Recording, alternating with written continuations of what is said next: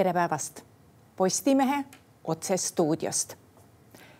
viimase nädala jooksul on tekitanud väga palju poleemikat eelnõu, millega saaks võtta kohalike omavalitsuste valimistel Venemaa kodanikelt valimisõiguse. meil on stuudios justiitsminister Kalle Laanet, tere päevast tere päevast. ma pean, ma pean. ja ma, ma tahaks ka kohe, teeme niimoodi ühe asja kohe alguses selgeks. me räägime, kas Venemaa kodanikelt ja, ja üldiselt laiemalt agressorriigi kodanikelt valimisõiguse äravõtmisest või peatamisest? väga hea, et te parandasite. jah, me selle eelnõu puhul, millest on avalikkuses palju juttu olnud, me räägime ajutisest peatamisest agressiooni ajaks, olenemata sellest, milline see agressorriik on selles konkreetses eelnõus on kirjutatud, et, et Eesti Riigikogu või Euroopa Parlament on teatud riigi nimetanud, deklareerinud agressorriigiks, siis selle riigi kodanikel ei peaks olema agressiooni ajal Eesti Vabariigis õigust valida kohalike omavalitsuste valimistel. kas see eelnõu täna on olemas ja sellises äh, valmiduses, et seda saaks arutama hakata? mina usun, et see eelnõu on sellises valmiduses, et seda saab arutama hakata. me, me, mina olen saatnud selle eelnõu meile, meie Riigikogu Reformierakonna fraktsiooni juhtkonnale. täna me arutame seda, kui ma siit samast saatest lahkun meie fraktsiooni liikmetega. Ma usun, et meie juhtkond on edastanud selle versiooni ka koalitsioonipartneritele, et koalitsioonipartnerid saaksid seda arutada. minu arvates täna, kui on Molotov-Ribbentropi aastapäev, ongi ääretult õige aeg seda teemat arutada ka Postimehe otsestuudios, et, et meelde tuletada, mida tegelikult okupatsioon ja okupatsioonivõimud on mitte ainult Eesti rahvaga, vaid ka Baltikumi inimestega teinud. no kõige suurem poleemika ongi selle eelnõu puhul eh, kerkinud asjaolu ümber, kas, et kas selle eh, valimisõiguse saab peatada eh, ilma põhiseadust muutmata ja ka juristid on andnud väga erinevaid seisukohti, et kui te olete sellega välja tulnud, siis eh, kas selle eelnõu puhul me räägime ikkagi sellest, et selle valimisõiguse saab peatada ilma, et me muudaksime põhiseadust? see eelnõu on tõesti kirjutatud eh, vaimus, et põhiseadust ei pea muutma. me oleme seisukohal, et eh, põhiseaduse paragrahv sada viiskümmend kuus lõige kaks räägib valimisseadusest ja kusagil ei ole põhiseaduses kirjas, et kõigil inimestel, kaasa arvatud eh, Vene riigi alamatel, on põhiseaduslik õigus valida Eesti riigi poliitilist juhtkonda küll kohalikul tasandil. seda ei ole kusagil kirjas põhiseaduses. Eh, kui me räägime peatamisest, siis eh, kuidas seaduseelnõu ette näeb, kui kauaks, sõjaajaks, kauemaks, kuidas see, kuidas see määratlus peatamine on ajaliselt paika pandud? See konkreetne eelnõu on ära määratletud sedapidi, et, et kui Riigikogu deklareerib, et tegemist on agressorriigiga, siis Riigikogu peaks ka deklareerima, et enam see riik ei ole agressorriik. see tähendab seda, et, et äh, kui me võtame tänase situatsiooni, et äh, Venemaa ründab konkreetset või on teostamas agressiooni Ukrainas, et see agressioon lõpeb loomulikult Ukraina võiduga ja sellest tulenevalt on ka agressioon siis lõppenud Ukrainas. Eh, kui palju on neid juriste, kes sellesama eelnõu puhul on öelnud, et noh, et ei, ikka ei saa, on vaja põhiseadust muuta ja kui palju on nagu neid, kes siis ütlevad, et noh, et pole lugu, et saab küll? ütleme nii, et väga keeruline on öelda arvu täpselt, et äh, kindlasti on ju debateeritud seda küsimust äh, väga erinevates seltskondades ja, ja on neid, kes ütlevad, et, et kindlasti mitte ei saa ilma põhiseadust muutmata, on neid, kes ütlevad, et me peaksime kaaluma seda, et võib-olla on võimalik ja on ka neid, kes ütlevad, et, täiesti selgelt, et põhiseadust ei pea selles küsimuses äh, muutma. nii et äh, nagu öeldakse, et äh, mitu arvamust, üks õigusteadlane või ka vastupidi. Kuidas te kavatsete sellele toetust saata koalitsioonipartnerilt, et noh, tundub, et sotside puhul ei tule üldse väga kõne alla et eh, nemad sellega nõustuda võiksid või tuleb? minul on seda täna keeruline üheselt öelda või hinnata, et kas nad on nõus või mitte, sest eh, mina ei ole nendega seda eelnõu sisuliselt arutanud. kuna see eelnõu edastati just nimelt äh, Riigikogu fraktsioonile, et, et Riigikogus poliitilisel tasandil seda arutada, ma isegi ei tea täna seda, et kas nad on Riigikogus arutanud seda ko koalitsioonipartneritega.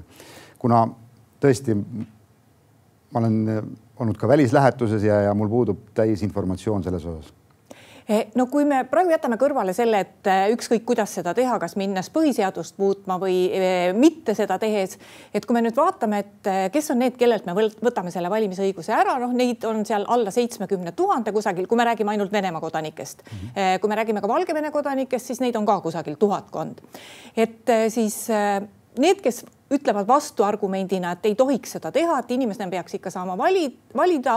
Eh, noh, näevad seda, et paljud inimesed, kes elavad meil siin Venemaa kodanikena, noh, on jätnud selle kodakondsuse endale üsna pragmaatilisel põhjusel, et kui sul on Venemaa kodakondsus, sul on sugulased Venemaal, et siis sa saad seal külas käia ja et nad ei olegi võib-olla üldse sellised Putini toetajad, et tegelikult on nad täitsa lojaalsed Eesti riigile, et miks me neid siis karistame no kui me võtame eelmiste valimiste, valimistel osalenud Vene kodanike protsendi sellest kuuekümne kaheksast tuhandest orienteeruvalt, siis kusagil nelikümmend üheksa protsenti käis tegemas oma valikut kohalikel valimistel.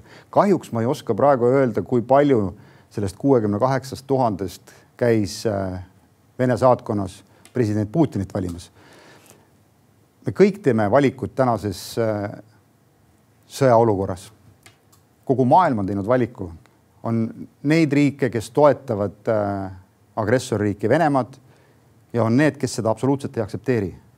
ja minu seisukoht on küll see, et, et ka need inimesed peavad tegema valiku, kas nad toetavad agressiooni ja agressorriiki Venemaad või nad on lojaalsed Eesti riigile, väljudes või astudes välja Vene riigi kodakondsusest. Eh, see probleem ei ole sarnane igal pool Euroopas et meie oleme ühelt poolt piiririik ja kui me üldse saame äh, võrrelda ennast kellegagi, kellel on ka probleem riigis oleva suure arvu äh, Vene kodanikega, siis tõenäoliselt samasugused probleemid on lätlastel. lätlased äh, tegid kunagi peale taasiseseisvumist väga selge otsuse. Nad ei andnud Vene kodanikele valimisõigust ja selles mõttes on nad täna hoopis teises olukorras kui me vaatame ka seda meediapilti, mis Läti poolt tuleb, siis äh, loomulikult äh, on äh, lätlased teinud üsna karme otsuseid selles osas, et on esitanud vene keelt kõnelevatele inimestele keelenõuded üsna kõrged. ja esimesel septembril põhimõtteliselt peaks rakenduma siis keeleseadus, kus siis kõrgendatud nõudmised oleks neile inimestele, kes tahavad Lätis elada pikaajaliselt jah, nad on ise möönud ka seda, et, et see otsus võib-olla oli natuke ennatlik selles mõttes, et neil ei ole kindlasti plaanis panna neid inimesi, kellel ei ole täidetud keelenõuded bussidesse või rongi ja viia piirile ja, ja minu teada on neil täna see olukord, kus nad plaanivad seda seadust selles mõttes muuta, et lükata seda tähtaega edasi. eile just olin ma visiidil Leedus, siis, siis Leedu kolleeg väljendas oma seisukohta, et neil ei ole lihtsalt nii palju Vene kodanikke ja nende jaoks ei ole see probleem üldse. Neil see valimisõigus on. kui me vaatame üldse, kui palju on Euroopa Liidus sarnast valimisõigust, siis neid ei ole kaheteistkümnes liikmesriigis. nii et, et riigid on erinevalt lähenenud ja kindlasti on see väga palju seotud ka ajalooga ja meie ajalugu kahjuks on selline, nagu ta on mida me tänasel päeval peaksime väga selgelt ka meelde tuletama meie noorematele põlvkondadele. ja kui me tuleme tagasi uuesti selle valimisõiguse piiramise juurde, siis, ähm, siis Vene konstitutsioon ütleb väga selgelt, et Vene kodanikud on kohustatud igal pool üle maailma igal ajal seisma Vene riigi eest. teine seadus, mis on võetud äh, või vastu võetud Vene Föderatsiooni tuuma poolt on loomulikult see kaasmaalaste seadus, see tähendab seda, et, et Vene riik, juhul kui tema kodanikud on hädas kusagil võõrriigis, on neil õigus, õiguslik alus siseriiklikult minna nendele kodanikele appi ehk tegelikult rünnata teist suveräänset riiki. ja, ja minu arvates on kõige olulisem täna ikkagi meelde tuletada, et iseseisvus ja suveräänsus ei ole asi iseenesest. ja me peame igapäevaselt mõtlema selle peale, et kuidas me suudame teda hoida ja vajadusel tegeleda kõikide nende riskidega, mis võivad ohustada meie riigi iseseisvust. poliitikud sageli mõtlevad ikkagi oma toetuse peale ka, kui nad otsuseid teevad. ehk siis eh, missugune variant võiks olla üldse, kui see eelnõu jõuab Riigikogusse, milline variant võiks üldse olla selle läbiminemisel, sest noh, võib ju arvata, et vähemalt pool Keskerakonda seda kindlasti ei toeta, sest Vene valija on neile oluline noh, ma ei tea, mida teine pool teeb. Eh, tõenäoliselt, kui sotsid eh, hakkavad mõtlema nii, et neil on vaja venekeelset eh, valijat hoida, siis ka nemad võivad probleemiks saada. noh, Isamaa tõenäoliselt on selle poolt, et, et kuidas te üldse näete otsides sellele eelnõule poliitilist konsensust, et see on ju raske isegi koalitsiooni sees, et kui raske võib olla sellele üldse toetust saada Riigikogus? mina usun, et Eesti Riigikogu liikmed seisavad kõik Eesti riigi iseseisvuse eest. ja, ja täna tuua välja seda, et, et äh, see võib lõhestada Eesti ühiskonda. ma ei, ma ei mõista seda, et, et kui inimesed peavad tegema valikut, kas nad on lojaalsed Eesti riigile või nad teenivad teist jumalat, Putini poolt hoitavat riiki, agressorriiki, siis mis lõhestamisest me saame rääkida, me, me ei tohi niimoodi isegi mõelda minu arvates kui me vaatame jõujooni Riigikogus, siis eh, Isamaa ju on tegelikult suht sarnase eelnõuga välja tulnud, aga nende eesmärk oli tõesti lõpetada valimisõigus täielikult ära. see eelnõu on ju veidi pehmem. EKRE, kes igapäevaselt eh, erinevates kanalites ja avalikult räägib, kuidas nad seisavad Eesti iseseisvuse eest, siis teoreetiliselt võiksid ju seda eelnõud toetada rääkides teistest erakondadest, siis ma usun, et äh, riigimehelikkus võiks ju võita. ja kui sinna on vaja teha teatud parandusi, siis alati see on ju võimalik kui suur äh, soov on äh, Reformierakonnal ikkagi minna selle eelnõuga edasi ja kas äh, juhul, kui sotsid ei ole sellega nõus, et kas tuleks kõne alla ka variant, et noh, te lähetegi toetust otsima Riigikogus eelnõule, mis võib pahandada koalitsioonipartnerit kuni sinnamaani välja, et see koalitsioonipartner tuleb välja vahetada? noh, ma ei rut-, ruttaks asjaoludest ette, et tõesti täna ma kõigepealt saan võimaluse tutvustada Riigikogu meie fraktsiooni liikmetele seda eelnõud, et et kui ma olen selle neile ära tutvustanud ja siis ma saan ka tõdeda, milline on nende vastukaja, kindlasti on ka seal küsimusi seinast seina. Eh, paljud toovad välja ka fakti ja tegelikult ka paljud venekeelsed inimesed toovad välja asjaolu, et, et noh, et ma vaata, ma enne esitasin siin küsimuse, et eh, venelastel on võib-olla ka puht puht pragmaatiliselt säilinud see Venemaa kodakondsus. noh, lihtsalt, et vanasti käidi kogu aeg Venemaal, nüüd muidugi ei käida enam nii palju Eh, kui lihtne võiks olla nendel Vene kodanikel, kes tegelikult on tõesti eestimeelsed ja toetavad seda riiki, aga neile on jäänud vaat sel samal põhjusel see Vene kodakondsus, kui lihtne võiks olla neil täna seda kodakondsust vahetada? Öelda Vene kodakondsusest lahti? ega seegi kõige lihtsam pole, aga, aga ma usun, et kui need inimesed näitavad oma tahet, teevad oma avaldused lahkuda sellest kodakondsusest, ka see on juba pool sammu. ega kui me räägime ka seaduse vastuvõtmisest ja rakendamisest, siis järgmised valimised toimuvad ju kahe tuhande kahekümne viiendal aastal. et see ei toimu ju juhul, kui kõik läheb hästi heas mõttes. see ei toimu ju homme või ka kuu aja pärast, et eh, täna meil on poliitiline debatt, ühiskond arutab seda, jõuame, kui hästi läheb eelnõuga valitsusse, valitsus teeb oma otsused, sealt Riigikokku ja, ja tõesti esimene tõetund tuleb ju siis, kui on kaks tuhat kakskümmend viis kohalikud omavalitsuse valimised.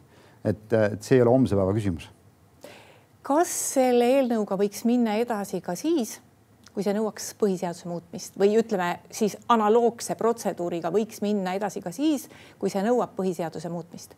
Mina olen seda meelt, et, et me täna, kus on agressorriigi poolt väga kõrged riskid üleval meil siseriiklikult, siis me võiksime minna ka põhimõtteliselt põhiseaduse muutmise juurde, mis tähendab ju loomulikult seda, et see protsess ei käi nii kiiresti. tavapärane protsess on ju see, et põhiseadust saab muuta läbi kahe Riigikogu koosseisu noh, sellisel juhul sõja mõttes me võime sellega isegi natuke hiljaks jääda, et siis pole see enam äkki üldse päevakorras. just nimelt, et, et minu arvates keerulisel ajal me peamegi tegema keerulisi otsuseid ja mitte nendega venitama.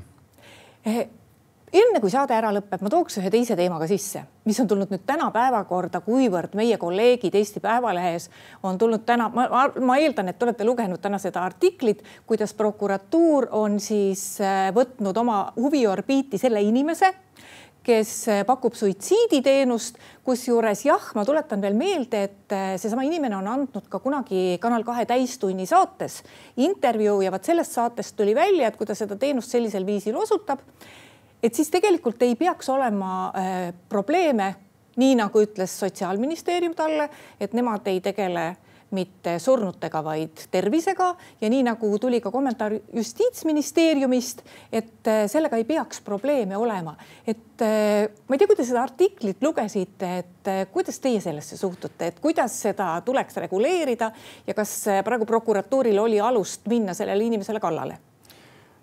Esiteks ma usun, et see artikkel oli selles mõttes äh, ääretult äh, hea artikkel, et äh, see oli väga objektiivselt kirjutatud ja see tõstatab ühiskonnas diskussiooni.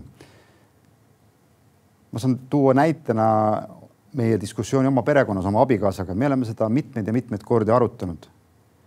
sellega kaasnevalt tekib sealt tuhat üks küsimust millal on seda võimalik teha, kes selle otsuse peaks tegema, millistel tingimustel.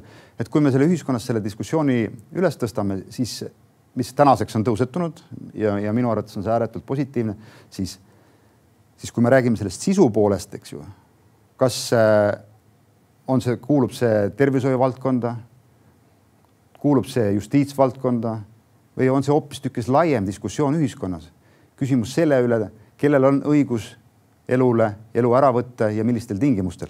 et, et see diskussioon on minu arvates ääretult oluline ja, ja kui see sisuline diskussioon on ühiskonnas toimunud ja poliitikud on sinna samamoodi kaasatud, siis me saame hakata rääkima, et millist õiguslikku raami me sinna ümber ehitame, aga kindlasti on sellele vaja õiguslik raam ümber ehitada siis no aga antud juhul on ju ikkagi tegelemist analoogiga, et keegi sai kätte seadelt siis seadeldise, millega seda teha saab, et noh, ma toon sellise võrdlusnäite, et kui inimese inimene saab võimaluse osta endale relv ja ta sellega maha laseb, siis keegi ei lähe ju seda relvakauplemeest süüdistama, et ta on suitsiidile kaasa aidanud. et juhul, ma ei tea, kas see juhul, juhul, on, kas see võrdlus on õige või? see ei ole võib-olla päris õige võrdlus, et, et täna on ju algatatud menetlus hoopistükkis teise paragrahvi alusel ja see puudutab just nimelt ebaseaduslikku majandustegevust, eks ju.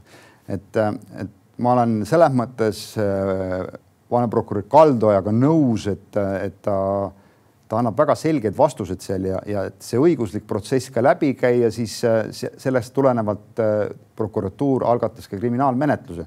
Ja, ja nagu me teame, siis tegelikult kriminaalmenetlus algatatakse fakti osas. Ja sellest faktist tulevad välja asjaolud, kas siis lõpuks tuleb sinna ka süüdistus taha või mitte, tähendab, et see kõik selgub sellest, et millise juhtumiga täpselt tehti, milline juhtum täpselt on, eks ju, kas seal on kuriteokoosseisu või mitte. Kalle Laanet, aitäh tulemast stuudiosse ja aitäh ka kõigile neile, kes meid vaatasid. Postimehe järgmine otsesaade on eetris juba homme. seniks lugege uudiseid postimees.ee. thank you